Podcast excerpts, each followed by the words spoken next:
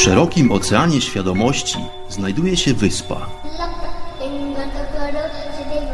Ową wyspę porasta gęsty las. W dalekiej głębi tego właśnie lasu znajduje się słoneczna polanka.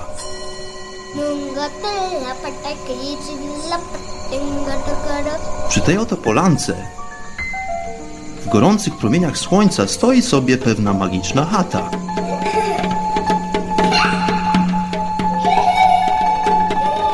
Właśnie tam żyje pewien mistyk.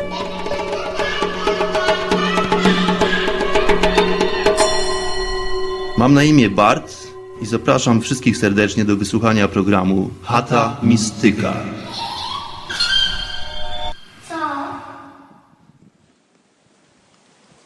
Namaste, pozdrawiam wszystkich bardzo serdecznie, bardzo gorąco. Mam na imię Bart. Dziennik pokładowy, wpis numer 33. Na liczniku mojego żelaznego rumaka, motoru marki Royal Enfield, widnieje już liczba 5948 przejechanych kilometrów do tej pory. Jestem w kolejnym nowym, bardzo uroczym miejscu. Opuściłem barwne Goa, czyli zachodnie wybrzeże Indii, gdzie przez parę dni e, udzielałem się w życiu plażowym, wymieniałem informacje, spotykałem nowych ludzi, nowych podróżników, nowych znajomych, którzy to licznie przybywają do Goa, aby właśnie uraczyć się indyjskim słońcem oraz przepięknym wybrzeżem. Goa to miejsce barwne, gdzie pojawia się mnóstwo również bardzo barwnych postaci. E, czas można spędzić w Goa naprawdę bardzo aktywnie. Można wziąć udział w wielu organizowanych kursach, można medytować, można uprawiać jogę, można dowiadywać się różnych rzeczy o odżywianiu, o prawidłowym stylu życia. No ale miejsce jest generalnie tak popularne, że ściągają tam naprawdę tysiące, tysiące ludzi, głównie obcokrajowców. Pomimo tego, że przepiękne plaże, przepiękna natura, miałem już ochotę opuścić to miejsce, dlatego że po prostu w tym miejscu jest trochę za dużo wrzawy, jak dla mnie. Byłem na Goa 10 lat temu. Od tej pory wiele się zmieniło, aczkolwiek niektóre rzeczy pozostają takie same. Zmieniło się tyle, że jest na pewno dużo, dużo więcej turystów niż było to 10 lat temu. Nacja, która przeważa, to są Rosjanie, więc generalnie język rosyjski słychać wszędzie dookoła. Ta mnogość przybyszów na Goa za bardzo mi nie przeszkadza. Miło po prostu czasem poobserwować inny aspekt istnienia mnie samego. Ja to w ten sposób widzę. Jesteśmy wszyscy jednością, jesteśmy wszyscy połączeni we wspólnej świadomości. Jeżeli potrafisz dostrzec ten aspekt istnienia ludzkiego, to myślę, że nie ma problemu z e, ludźmi wokół ciebie. No ale postanowiłem wybrać się do miejsca, które to również odwiedziłem 10 lat temu podczas mojego pierwszego pobytu w Indiach. Miejsce bardzo magiczne, bardzo lubiane przeze mnie. Znajduje się w głębi lądu, około 370 km od e, miasta Arambol w Goa. Znajduje się miejscowość Hampi. Te 370 km drogi zajęło mi praktycznie dwa dni, e, dlatego że stan dróg w Indiach wymaga wiele uważności podczas jazdy, wiele skupienia również. Więc przez ostatnie parę dni zajęty byłem po prostu jazdą motorem. No aczkolwiek chcę poruszyć parę ciekawych, wydaje mi się, tematów dzisiaj, parę technologicznych zagadnień również. No ale początkowo troszeczkę o samym Hampi. Miejsce, które jest dla mnie bardzo, bardzo wyjątkowe ze względu na swoje położenie geograficzne i ze względu na przyrodę, która tutaj otacza to miejsce. Miejsce powstało pośród wzgórz, na których znajdują się potężne, zaokrąglone głazy. Miejsce generalnie wygląda tak, jak, e, jak gdyby jakiś potężny olbrzym porozrzucał swoje kamienne zabawki wszędzie dookoła. Niektóre kształty owych potężnych głazów są naprawdę wyjątkowe. Wiele z tych głazów stoi na swoich wierzchołkach w ten sposób, że z daleka wydaje się, że nie mają tak naprawdę prawa utrzymać się w tej pozycji. Wygląda to tak, jakby po prostu taki potężny, wielutonowy głaz po prostu za chwilę miał się obsunąć i spaść z góry. Widok jest przepiękny, właśnie ze względu na tą unikatową złożoność kształtów i rozmieszczenie owych głazów. To wszystko zanurzone w przepięknej, soczystej zieleni.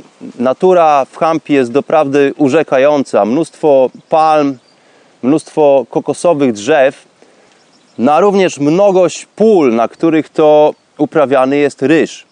Pola ryżowe wszędzie dookoła, naprawdę przepiękny, cudny widok. Jest bardzo, bardzo gorąco, dlatego znalazłem sobie ustronne, zacienione miejsce. Siedzę na jednym z takich właśnie potężnych granitowych głazów. Miejsce Hampi jest również miastem bardzo historycznym, dlatego że tutaj powstało dawno temu imperium, które to miało za zadanie bronić południową część Indii przed islamskimi, muzułmańskimi najeźdźcami, którzy to zawitali tutaj do Indii no i przemieszczali się w kierunku południowym tego subkontynentu. Właśnie z tego powodu powstało tutaj dużo fortyfikacji i powstała również cywilizacja, która ma bardzo szczególną wartość architektoniczną. Istnieje tu również bardzo dużo walorów artystycznych. To wszystko dlatego, że materiał budulcowy jest praktycznie na miejscu i wszechdostępny. To znaczy obróbka kamienia, granitu jest tutaj posunięta do najwyższych możliwych chyba osiągnięć artystycznych. No i dzięki temu powstało miasto, które to sugerowane jest w dawnych zapiskach. Było to prawdopodobnie najwspanialsze miasto w historii cywilizacji w danym okresie.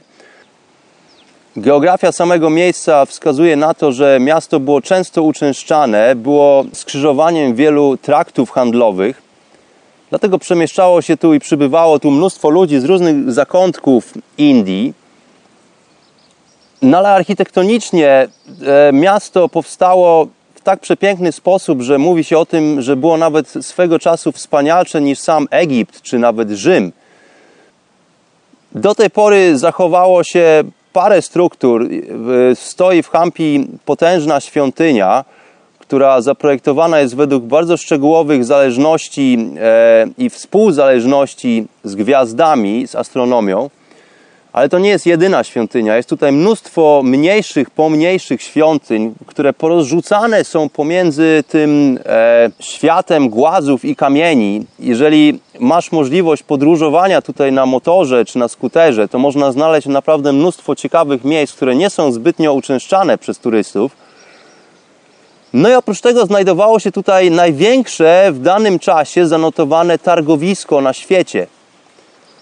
Do tej pory przetrwały ruiny owego targowiska. Budowle naprawdę zapierające dech w piersiach są to dwupoziomowe struktury, które ciągną się wzdłuż głównej alei w miejscowości Hampi, alei, która prowadzi to właśnie do głównej świątyni, która to Architektonicznie jest wspaniała, jest to potężna, strzelista budowla z niesamowitymi zdobieniami, z niesamowitymi rzeźbami i wykończeniami w granicie. No i to wszystko leży sobie nad rzeką, która to dzieli Hampi na dwie części. Nie ma tutaj mostu, aby przeprawić się z jednej części miasteczka do drugiej części. Trzeba wziąć małą łódkę. Kiedy byłem tutaj ostatnim razem, jedynym sposobem na przedostanie się na drugą stronę były takie bardzo fajne, słomiane, okrągłe łódki które to były w stanie pomieścić około 10 osób i pan, który sterował łódką, wiosłował raźnie na drugą stronę rzeki. Nie wiem, jak to wygląda teraz w dzisiejszych czasach, jeszcze tego nie sprawdziłem. No ale tyle tytułem wstępu. Dzisiejszy odcinek zatytułowany jest Geometria energii. I troszeczkę o geometrii, o samej energii chciałem dzisiaj opowiedzieć. Zobaczymy, na ile wystarczy mi czasu. Jest to temat bardzo obszerny, do którego często na pewno jeszcze będę powracał w programach Hata Mistyka. No ale dzisiaj takie może krótkie streszczenie tego tematu. No i chciałbym tutaj uwidocznić Wam, drodzy słuchacze, jak bardzo jesteśmy powiązani, właściwie zależni od geometrii samego świata, czy też wszechświata. No bo skoro jesteśmy częścią tej planety, to ta planeta również funkcjonuje, funkcjonuje podług bardzo specyficznych, bardzo subtelnych zasad geometrycznych. Dlatego, że wszystko, co istnieje, posiada swoją geometrię i dlatego istnieje i dlatego jest w stanie przetrwać. Dlatego, że świat pokazuje, że to, co wychodzi poza balans, geometryczny, naturalny balans kosmosu, przestaje po prostu istnieć. Więc to, co istnieje, czyli zanurzone jest w świecie przedmiotów, czyli wszystko, co manifestuje się w świecie fizycznym, posiada formę, prawda? Więc każdy przedmiot, każde nawet zjawisko ubrane jest w pewną formę, a zatem posiada swoją geometrię. Ale nie tylko przedmioty fizyczne, ale również energie posiadają swoją geometrię. No i tutaj warto zwrócić na to uwagę. Wszystko we wszechświecie, poczynając od poziomu atomowego, a kończąc na kosmosie, ma swoje odpowiednie walory i funkcjonuje w określony, można by powiedzieć, optymalny sposób, ze względu na swą perfekcyjną geometrię. Czyli to, jak przedmioty i zjawiska istnieją w tej rzeczywistości, jest bardzo silnie powiązane właśnie z ową geometrią.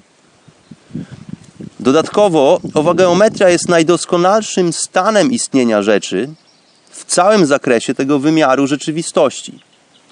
Czyli wszystko istnieje dlatego, że posiada doskonałą formę geometryczną. Jeżeli wyburzysz jakiś przedmiot czy jakieś zjawisko z tej naturalnej geometrii, z tego naturalnego balansu, to to przestaje funkcjonować we właściwy sposób albo po prostu przestaje funkcjonować, czyli znika. No więc również człowiek, oprócz formy cielesnej, posiada również bardzo wysublimowany system energetyczny. Czyli domeną ludzką jest nie tylko organizm fizyczny, materialne ciało, ale jest również ciało energetyczne. To ciało energetyczne również uporządkowane jest podług zależności geometrycznych. W systemach wschodnich, pochodzących na przykład z Chin, obraz tego systemu został bardzo skrupulatnie i szczegółowo opisany, ale troszeczkę różni się od tego, który prezentuje tradycja jogi.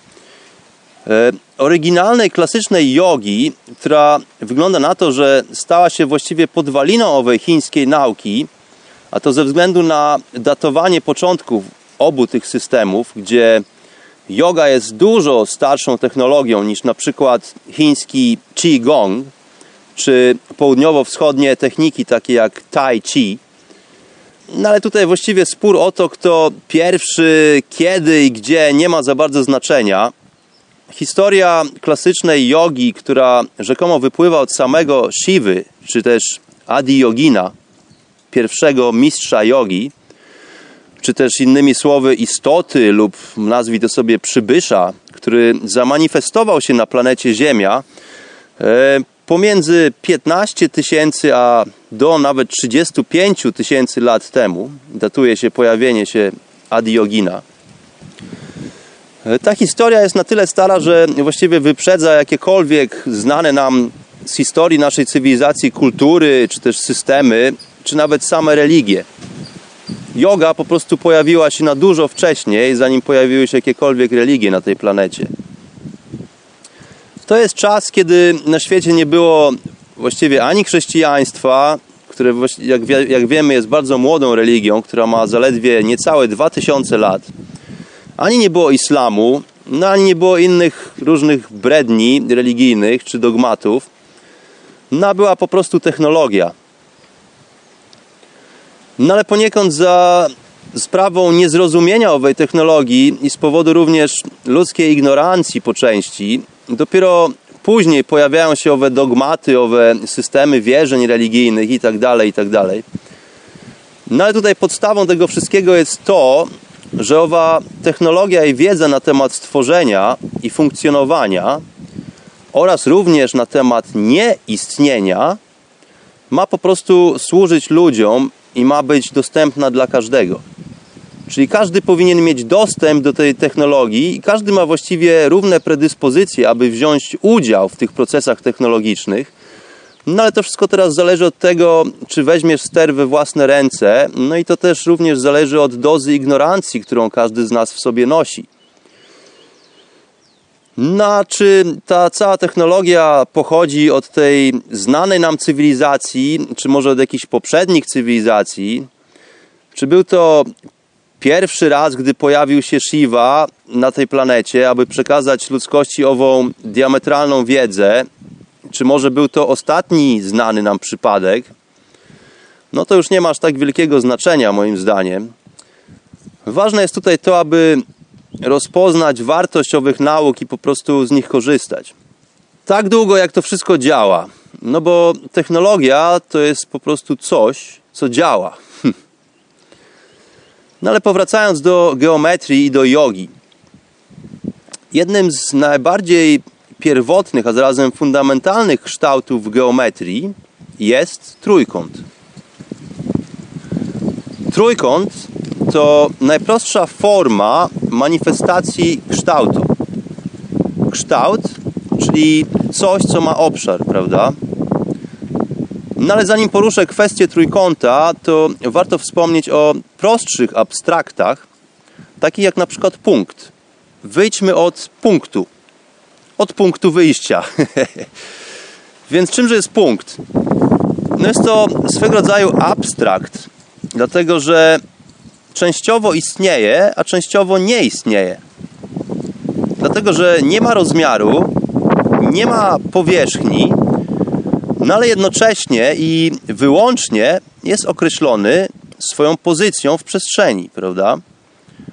Czyli jeżeli wyznaczymy sobie układ przestrzenny, gdzie będziemy mieli osie x, y i z, jesteśmy w stanie wyabstrahować sobie pozycję owego punktu względem danych trzech osi, pomimo tego, że punkt nie ma właściwie ani rozmiaru, ani nie ma gabarytu, ani nie ma masy, ani nie ma koloru, czy nie ma jakichkolwiek innych własności, które mają po prostu przedmioty. Czyli punkt nie istnieje, ale w tym samym czasie jest. No, czyli jest to po prostu istny, logiczny paradoks, coś, co ciężko jest nam uchwycić naszym rozumowaniem. Punkt ma charakter czysto teoretyczny właściwie, lub można by powiedzieć kwantowy. Dlatego, że istnieje, ale go po prostu nie ma. Prawda? Więc to właściwie jest dostrzegane przez nas nieistnienie, można by powiedzieć.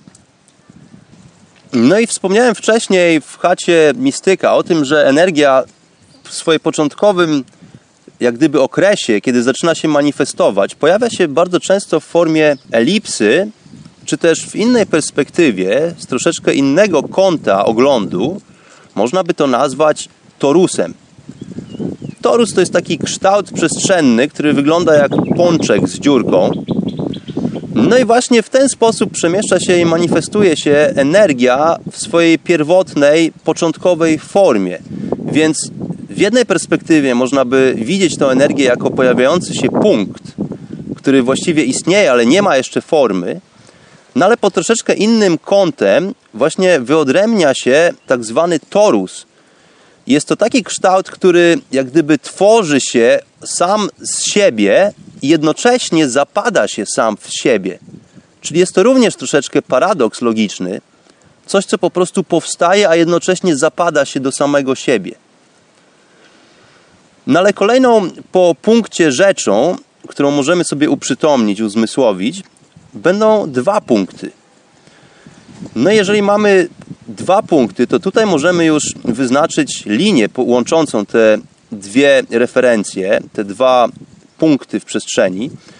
Czyli innymi słowy, zaczynamy definiować sobie pewnego rodzaju napięcie pomiędzy dwoma skrajnościami, pomiędzy tymi dwoma punktami. Można by je nazwać dwoma kontrapunktami, no i te dwa punkty, które istnieją sobie w układzie współrzędnych dla naszej wygody, dla naszej wyobraźni, to nadal nie jest właściwie kształt.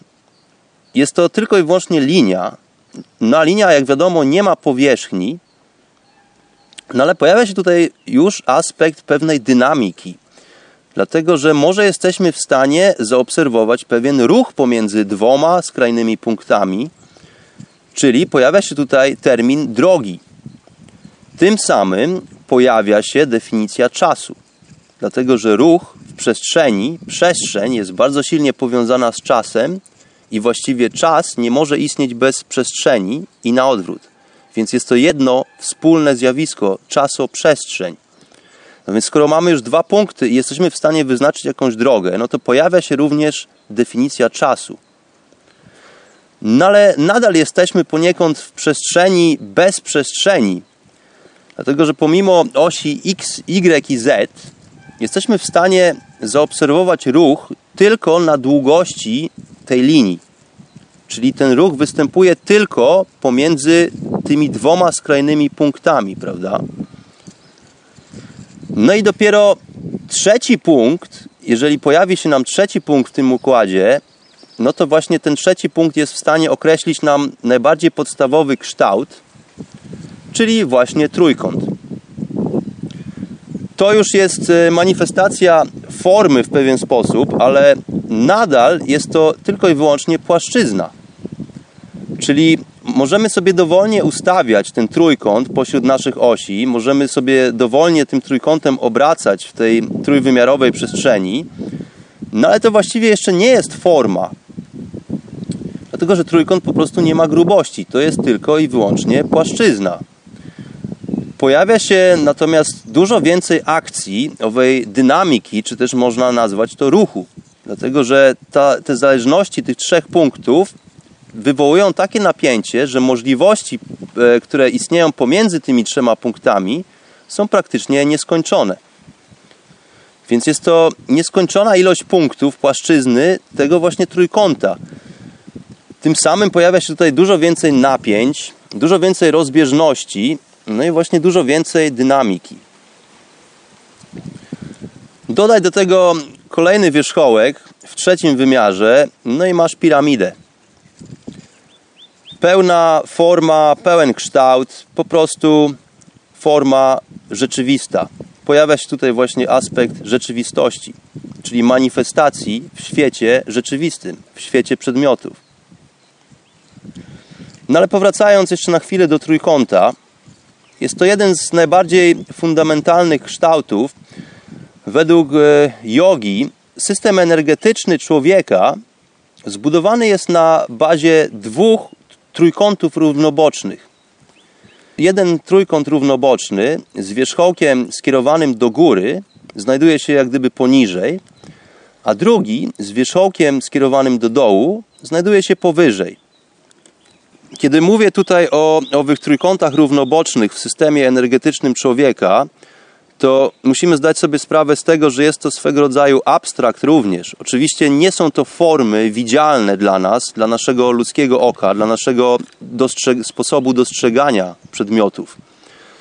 W ten sposób możemy sobie tylko próbować logicznie wyjaśnić ową strukturę energii w y, organizmie ludzkim, dlatego że ciało energetyczne nie jest dla większości z nas widoczne.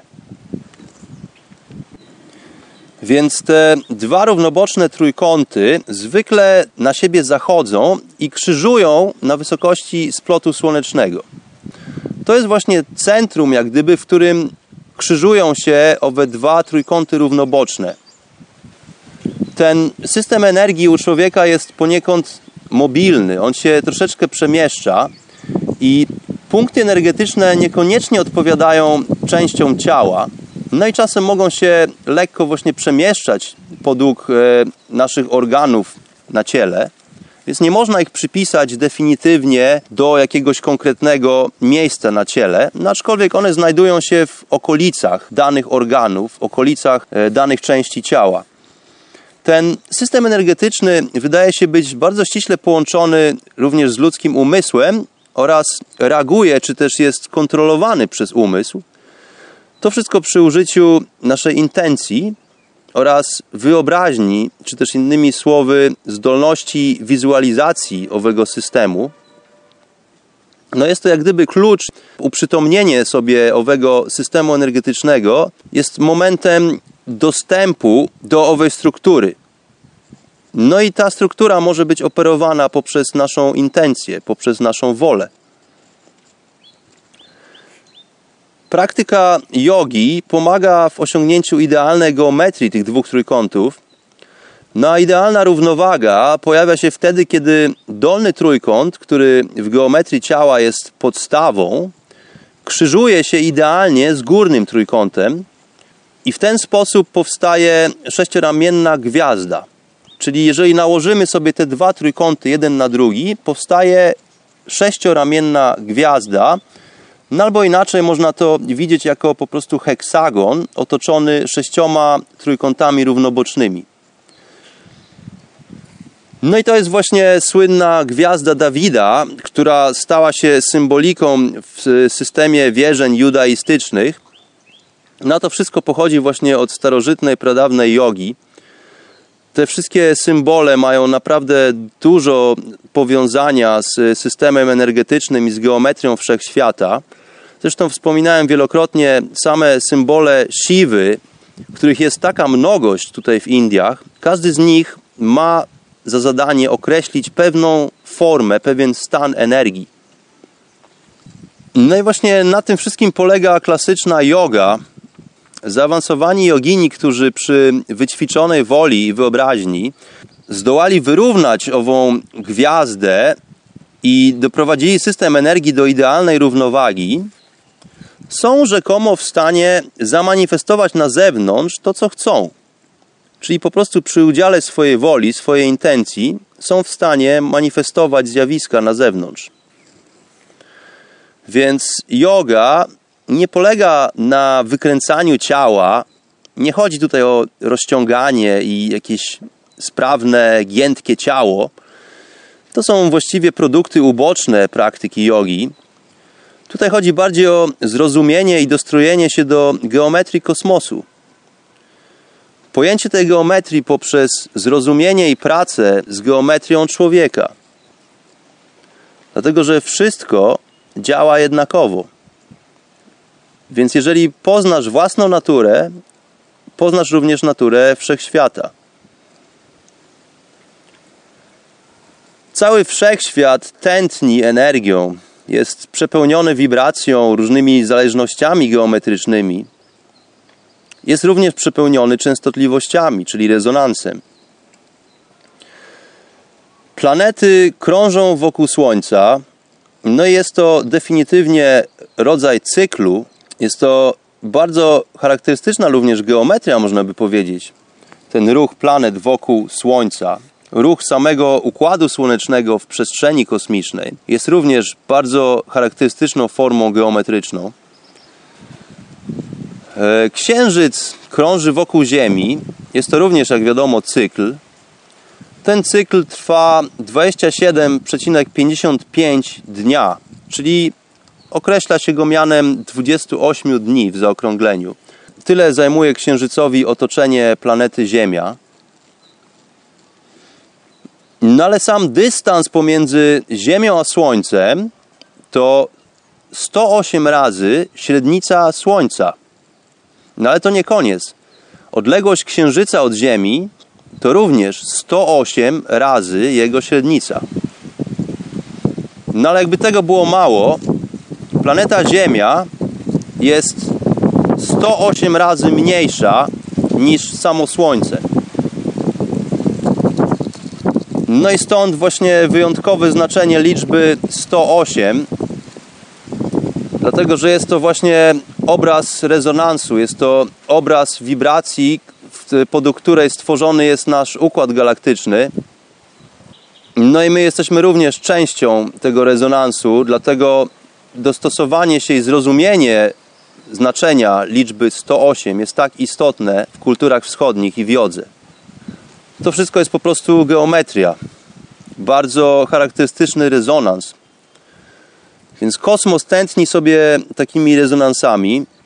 No a teraz, jeżeli jesteśmy w stanie dostroić się do tych rezonansów, jeśli jesteśmy podatni na owe energie, to to jesteśmy w stanie po prostu z nich korzystać.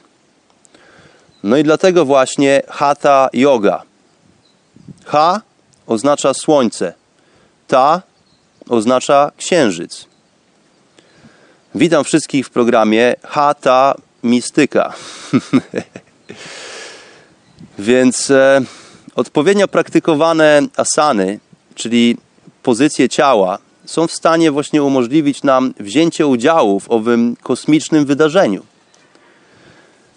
Jesteśmy w stanie być częścią tego kosmicznego pulsu. Prawidłowo wykonywane asany w medytacji, z zamkniętymi oczami, w skupieniu, bez muzyki, bez żadnych poleceń z zewnątrz, mają właśnie za zadanie zliniować nas z tą otaczającą nas kosmiczną geometrią. To właśnie o to chodzi w jodze, moi drodzy. Nie chodzi o wykręcanie i rozciąganie ciała. To są jak gdyby efekty dodatkowe. To są dodatkowe benefity, których nabywasz, kiedy praktykujesz hatha jogę. Tak naprawdę chodzi o zliniowanie się z tą wspaniałością kosmosu, z tą geometrią, w której to jesteśmy zanurzeni. To wszystko jest w stanie umożliwić nam osiągnięcie perfekcyjnego po prostu potencjału, perfekcyjnego wachlarza możliwości, wspaniałości bycia istotą człowieczą, pojednania się z kosmosem, ze stworzeniem, czy nazwij to sobie z Bogiem. No i to właśnie oznacza słowo yoga. Yoga w sanskrycie oznacza unię, unię z totalnością, ze wszechobecną jednością, której jesteśmy częścią jako zjawisko. Na zdrowie, giętkie ciało to jest tylko dodatkowy bonus w tym wszystkim. No i nie zapominajmy o tym. Dlatego właśnie nazywam jogę technologią. To jest coś, co ma za zadanie działać. To nie jest tylko coś, co ma utrzymywać Twoje ciało i Twój umysł w dobrej kondycji. No to teraz trochę właśnie zagadnień technicznych i szczegółów. W systemie energetycznym człowieka istnieją trzy główne kanały energetyczne. W jodze nazywane one są Ida, Pingala i Shushumna. Ida jest to kanał energetyczny, który znajduje się po lewej części naszego organizmu. Jest to kanał, który ma aspekt żeński. Pingala jest to kanał energetyczny, który przebiega w prawej części człowieka. Jest to aspekt męski, dlatego że tutaj chodzi o dualność świata, która właśnie reprezentowana jest również i przejawiana w strukturze energetycznej samego człowieka. Ten właśnie aspekt żeński, czyli Ida i aspekt męski, Pingala. No i oprócz tego środkowy kanał nazywany jest Shushumna. To jest jak gdyby kanał neutralny, który nie ma ani zabarwienia męskiego, ani żeńskiego i on jak gdyby istnieje w innej przestrzeni. To jest również bardzo ciężkie do ogarnięcia w sposób logiczny. No aczkolwiek jest to trzeci bardzo istotny dla naszego życia, dla przemieszczania się energii życia w naszym ciele kanał.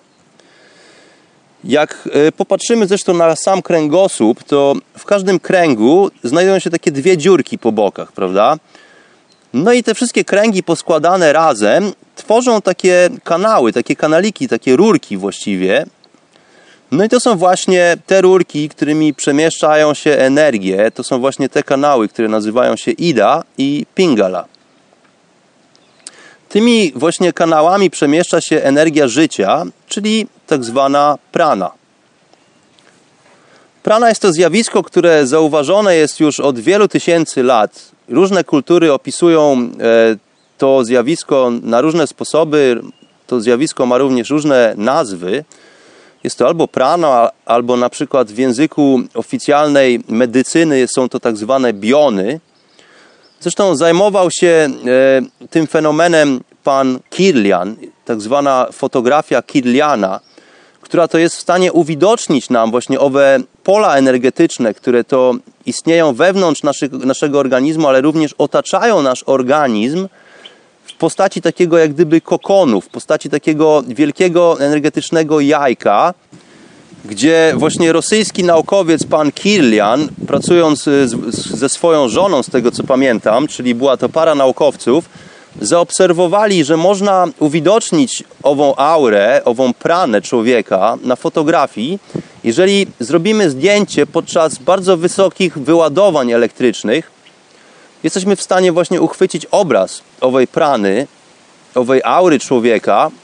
No więc jeżeli szukasz dowodów naukowych, no to polecam zajrzenie do internetu i odszukanie hasła fotografia Kirliana. Zresztą są to bardzo fajne obrazki. No i to pozwala nam również uzmysłowić sobie, uwidocznić to, w jaki sposób e, rozmieszcza się i funkcjonuje nasza energia życia. No, oczywiście są ludzie, którzy mają zdolności postrzegania owej energii bez użycia sprzętów e, i technologii. Są po prostu ludzie, którzy są na tyle dostrojeni do natury, że są w stanie widzieć w odpowiednich warunkach ową sferę energetyczną człowieka. Także energia przemieszcza się w naszym ciele. Tutaj jeszcze warto wspomnieć, że owa że owy ruch energii, czy też sam fenomen istnienia energii w organizmie ludzkim wydaje się również być bardzo mocno połączony e, z istnieniem płynu rdzeniowo-mózgowego, który jest e, dosyć mocno powiązany z ludzką świadomością. Opowiadałem o tym trochę w odcinku Chaty Mistyka zatytułowanym Tożsamość. Także jeżeli masz ochotę, drogi słuchaczu, droga słuchaczko, posłuchać trochę na ten temat, to zapraszam do odcinka pod tytułem Tożsamość. No ale od tych trzech głównych kanałów energetycznych rozchodzą się dużo mniejsze kanaliki, które zasilają cały organizm ludzki. Te kanały nazywane są wiodze nadi. Więc jest 72 tysiące nadi, czyli dróg, którymi przemieszcza się energia. Tutaj nie chodzi o nerwy, ale są to bardzo subtelne pasaże, które nie mają właściwie fizycznej manifestacji. Więc znowuż są to kanaliki, które są niedostrzegalne dla oka ludzkiego, aczkolwiek one istnieją. One istnieją w troszeczkę innej perspektywie, być może w trochę innym wymiarze. I te 72 tysiące nadi spotykają się w grupach, w takich węzłach energetycznych, no i tam łączą się, dzięki czemu energia rozpowszechnia się po całym organizmie i jest dystrybuowana we wszystkie zakątki organizmu. Więc te wszystkie kanaliki energetyczne są ze sobą połączone w postaci takiej siatki energetycznej. Na te miejsca, gdzie krzyżują się owe kanały energetyczne, nazywane są czakrami. W ciele człowieka znajduje się 114 głównych czakr. 112 czakr istnieje na ciele człowieka, a dwie są poza tym wymiarem, jak gdyby. Czakra dosłownie oznacza koło, co ma za, za zadanie symbolizować ruch, pewną dynamikę, ale rzeczywisty kształt czakr to właśnie trójkąty.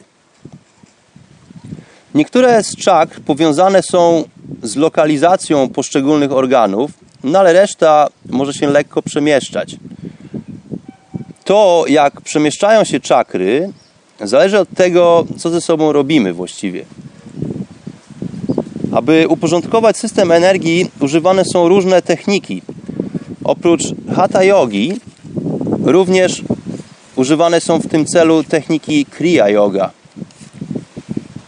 Kriya oznacza akcję wewnętrzną, czyli umiejętność kierowania i wykorzystywania prany przy użyciu woli oraz przy użyciu technik oddechowych. Oddech ma tutaj ogromne znaczenie w ludzkiej egzystencji. Jest to bardzo istotny dla nas cykl, którego często nie zauważamy. Nie jesteśmy często świadomi tego najważniejszego tak naprawdę dla nas cyklu życiowego. No jest to cykl, który łączy nas bardzo silnie z kosmosem.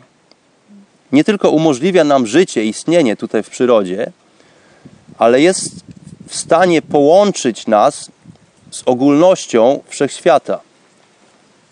Dlatego, że my, jako zanurzeni w świecie dualności, jesteśmy po prostu poniekąd częścią tego całego kosmicznego procesu. Jesteśmy częścią tej natury. Więc my wdychamy to, co produkują rośliny, a rośliny pobierają to, co my wydychamy, prawda? Więc istnieje ten cykl, ten rytm istnienia, ta bardzo charakterystyczna forma, która jest e, tak naprawdę pomostem łączącym nas z naturą. Właśnie ten zwykły oddech, ten wdech i wydech, wdech i wydech, ten niekończący się cykl. Jeżeli zabraknie jednego wdechu, przestajemy istnieć. No ale jeszcze powracając do samych czakr. W jodze wyróżnia, wyróżnia się siedem głównych czakr. Każda z nich ma troszeczkę inne właściwości. Te główne czakry pozostają mniej więcej w tej samej lokalizacji na organizmie ludzkim, aczkolwiek one również mogą się lekko przemieszczać, mogą się również rozszerzać na, na skutek różnych czynników.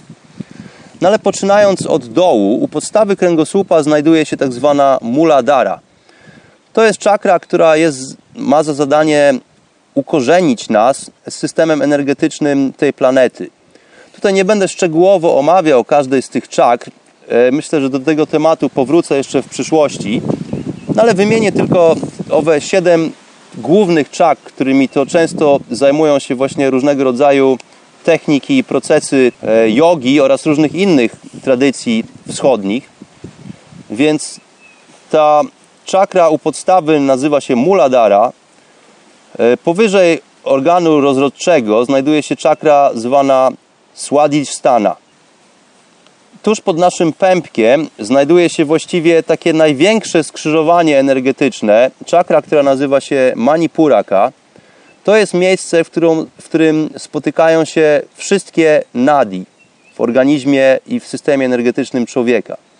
To jest właściwie takie główne skrzyżowanie, z którego e, rozpowszechnia się energia w inne części naszego organizmu. W okolicach naszego splotu słonecznego znajduje się czakra, która nazywa się Anahata. To właśnie tutaj, jeżeli jesteśmy w stanie zmobilizować i uporządkować naszą energię, nasz system energetyczny, owe dwa trójkąty równoboczne mają za zadanie skrzyżować się w formie idealnej sześciokątnej gwiazdy. Na wysokości naszego gardła, tutaj gdzie znajduje się taki wgłębienie, taki dołek, znajduje się czakra, która nazywa się Vishuddhi. To jest bardzo interesująca czakra. Jeżeli jesteśmy w stanie wznieść całą energię pozostałych dolnych czakr do tego punktu i utrzymać ją w tym stopniu, to otwiera to przed nami potężne możliwości, no, o których wspomnę może w przyszłych odcinkach Chaty Mistyka. E, idąc wyżej, na naszym czole, w punkcie na linii naszej brwi, znajduje się tak zwane trzecie oko. To jest również miejsce, właśnie w którym znajduje się czakra nazywana ajna.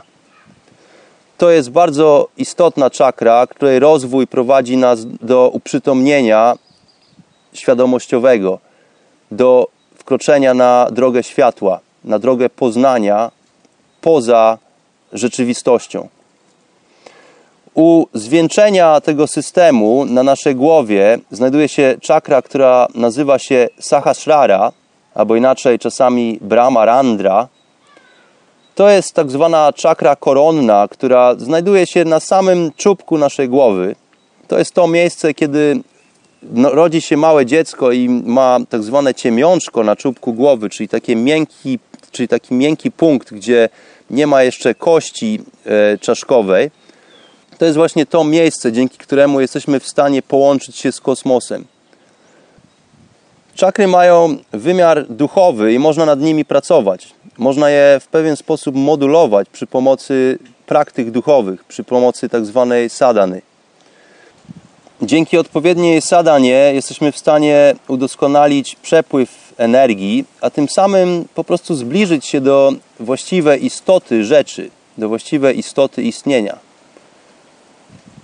do istoty istnienia człowieka świadomego. No i dlatego właśnie pojawiają się na tej planecie technologie, takie jak yoga czy medytacje przy użyciu mudr również, warto tutaj wspomnieć mudry, czyli pozycje dłoni, odpowiednie pozycje dłoni, które umożliwiają przepływ energii w naszym systemie energetycznym. No, oprócz tego pojawiają się również czanty, czyli wokalne formy, które są w stanie wprowadzić w odpowiednią wibrację, w odpowiedni rezonans nasz organizm, ale nie tylko organizm, tylko właśnie są w stanie stymulować ciało energetyczne. Wspominałem wcześniej e, w odcinku zatytułowanym Muzyka i Aum właśnie o czantowaniu tego pierwotnego, jak wydaje się, dźwięku Aum, który został później e, troszeczkę przetworzony. W dzisiejszych czasach bardziej popularna jest e, forma OM, aczkolwiek pełen cały zakres właśnie tego dźwięku to jest AUM, który powoduje wzbudzenie wibracji w bardzo odpowiednich e, centrach energetycznych. Na przykład dźwięk A wzbudza wibrację manipurka, czyli w tej dolnej e, czakrze. Natomiast dźwięk U, który właściwie jest tym samym dźwiękiem A, tylko że z zamkniętymi połowicznie ustami, wzbudza wibrację wyższej części systemu energetycznego, w czakrze, która nazywa się Vishuddhi. W tej czakrze, która znajduje się w tym dołku w gardle. Na samo wykończenie tego dźwięku, czyli m, które jest e, jak gdyby tym samym dźwiękiem pierwotnym A, ale wydobywanym przy zamkniętych ustach, powoduje wibrację, która rodzi się w adżnie, czy też w sahasrarze czyli w tych górnych czakrach człowieka. No i w ten sposób jesteśmy w stanie stymulować i wznosić tą wibrację ku górze. No bo na tym wszystkim też polegają właśnie techniki jogi, żeby wzbudzać wibrację i y, przekierowywać ją jak gdyby z dolnych partii do góry, w kierunku tej czakry koronnej.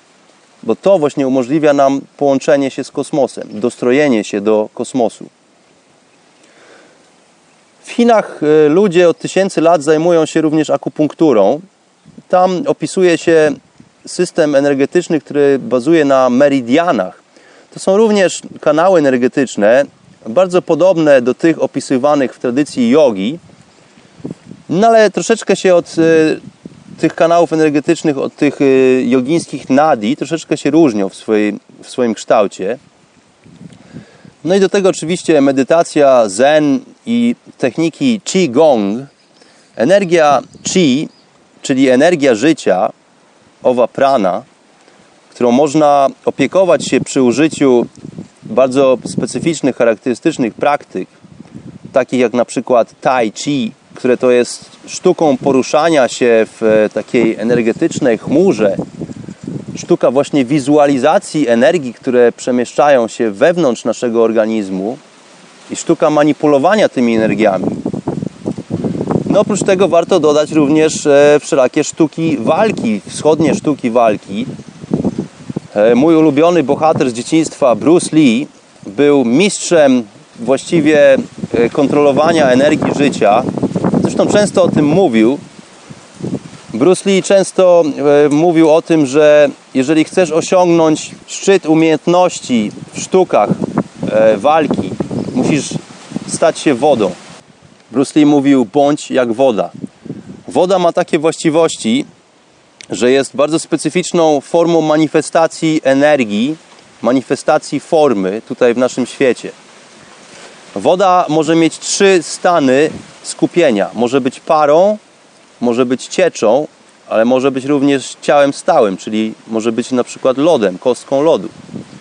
No i właśnie ta umiejętność przemieszczania się i modulowania Twojej energii w zależności do potrzeb, w zależności do tego, co chcesz osiągnąć, to jest właśnie to, co miał na myśli Bruce Lee. Bądź jak woda. Bądź wyczulony, bądź podatny, bądź w stanie przemienić swoją formę. Pozostając właściwie tym samym materiałem, zmieniasz swoją formę, zmieniasz swój kształt, zmieniasz swoją geometrię. Więc bycie wyczulonym, a tym samym bycie podatnym na ową kosmiczną harmonię, na ową kosmiczną geometrię ma tutaj szaleńcze znaczenie w naszej ludzkiej egzystencji. Warto sobie zdać z tego sprawę, że my jesteśmy częścią tego stworzenia, a nie jakimiś istotami, które w strachu panicznie próbują tylko i wyłącznie przetrwać tutaj w tych nieprzyjaznych dla nas warunkach. Warunki są takie, jakie są. To my mamy za zadanie dostosować się do panujących w tym świecie okoliczności.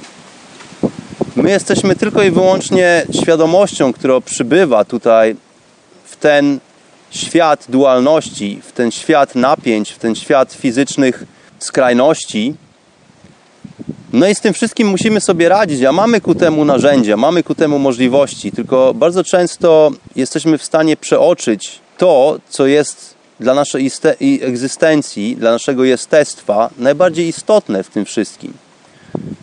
Bycie człowiekiem, bycie nie tylko zwierzątkiem, które podąża za własnymi instynktami i za własnym strachem, ale właśnie wzniesienie się na wyższe partie świadomości po to, aby jako część tego całego istnienia docenić, być w stanie docenić samego siebie.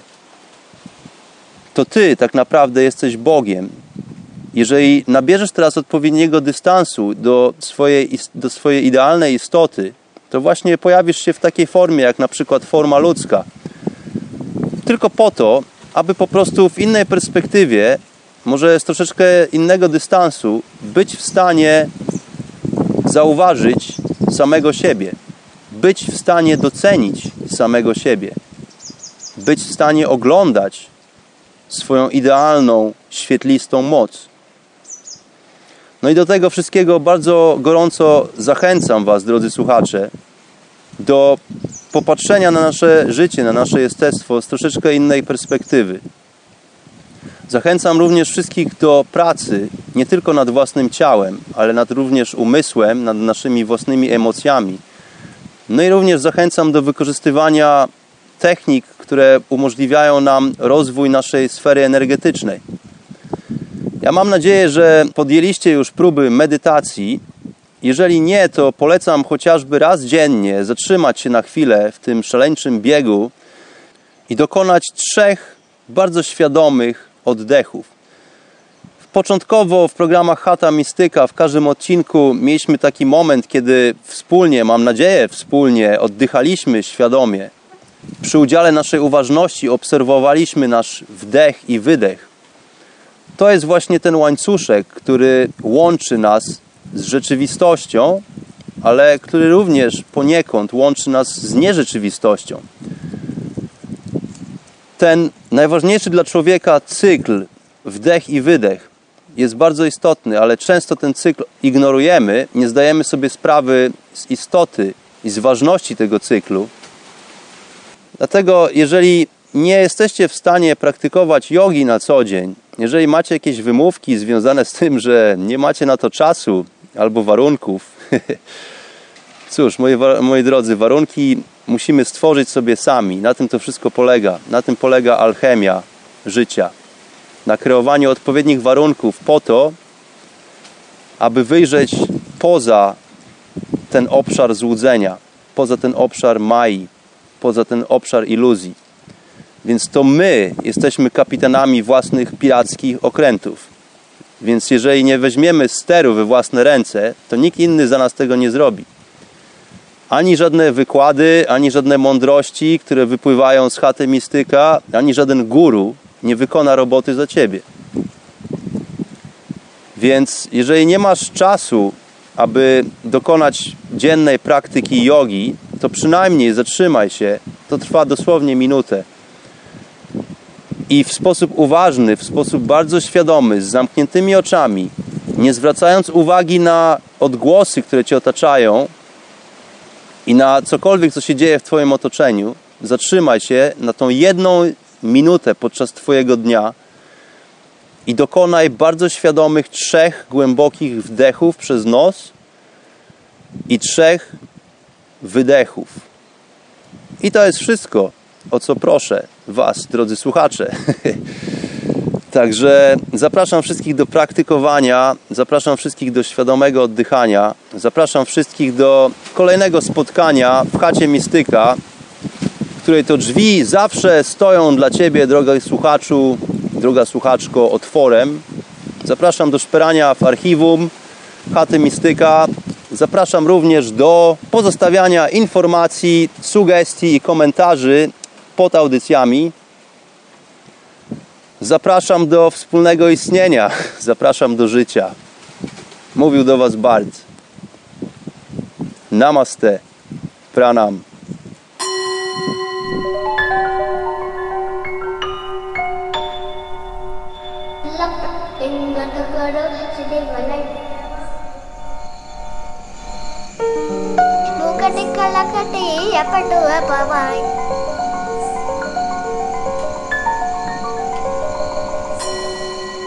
പട്ട കിഴിച്ചില്ല പട്ടിങ്കട്ട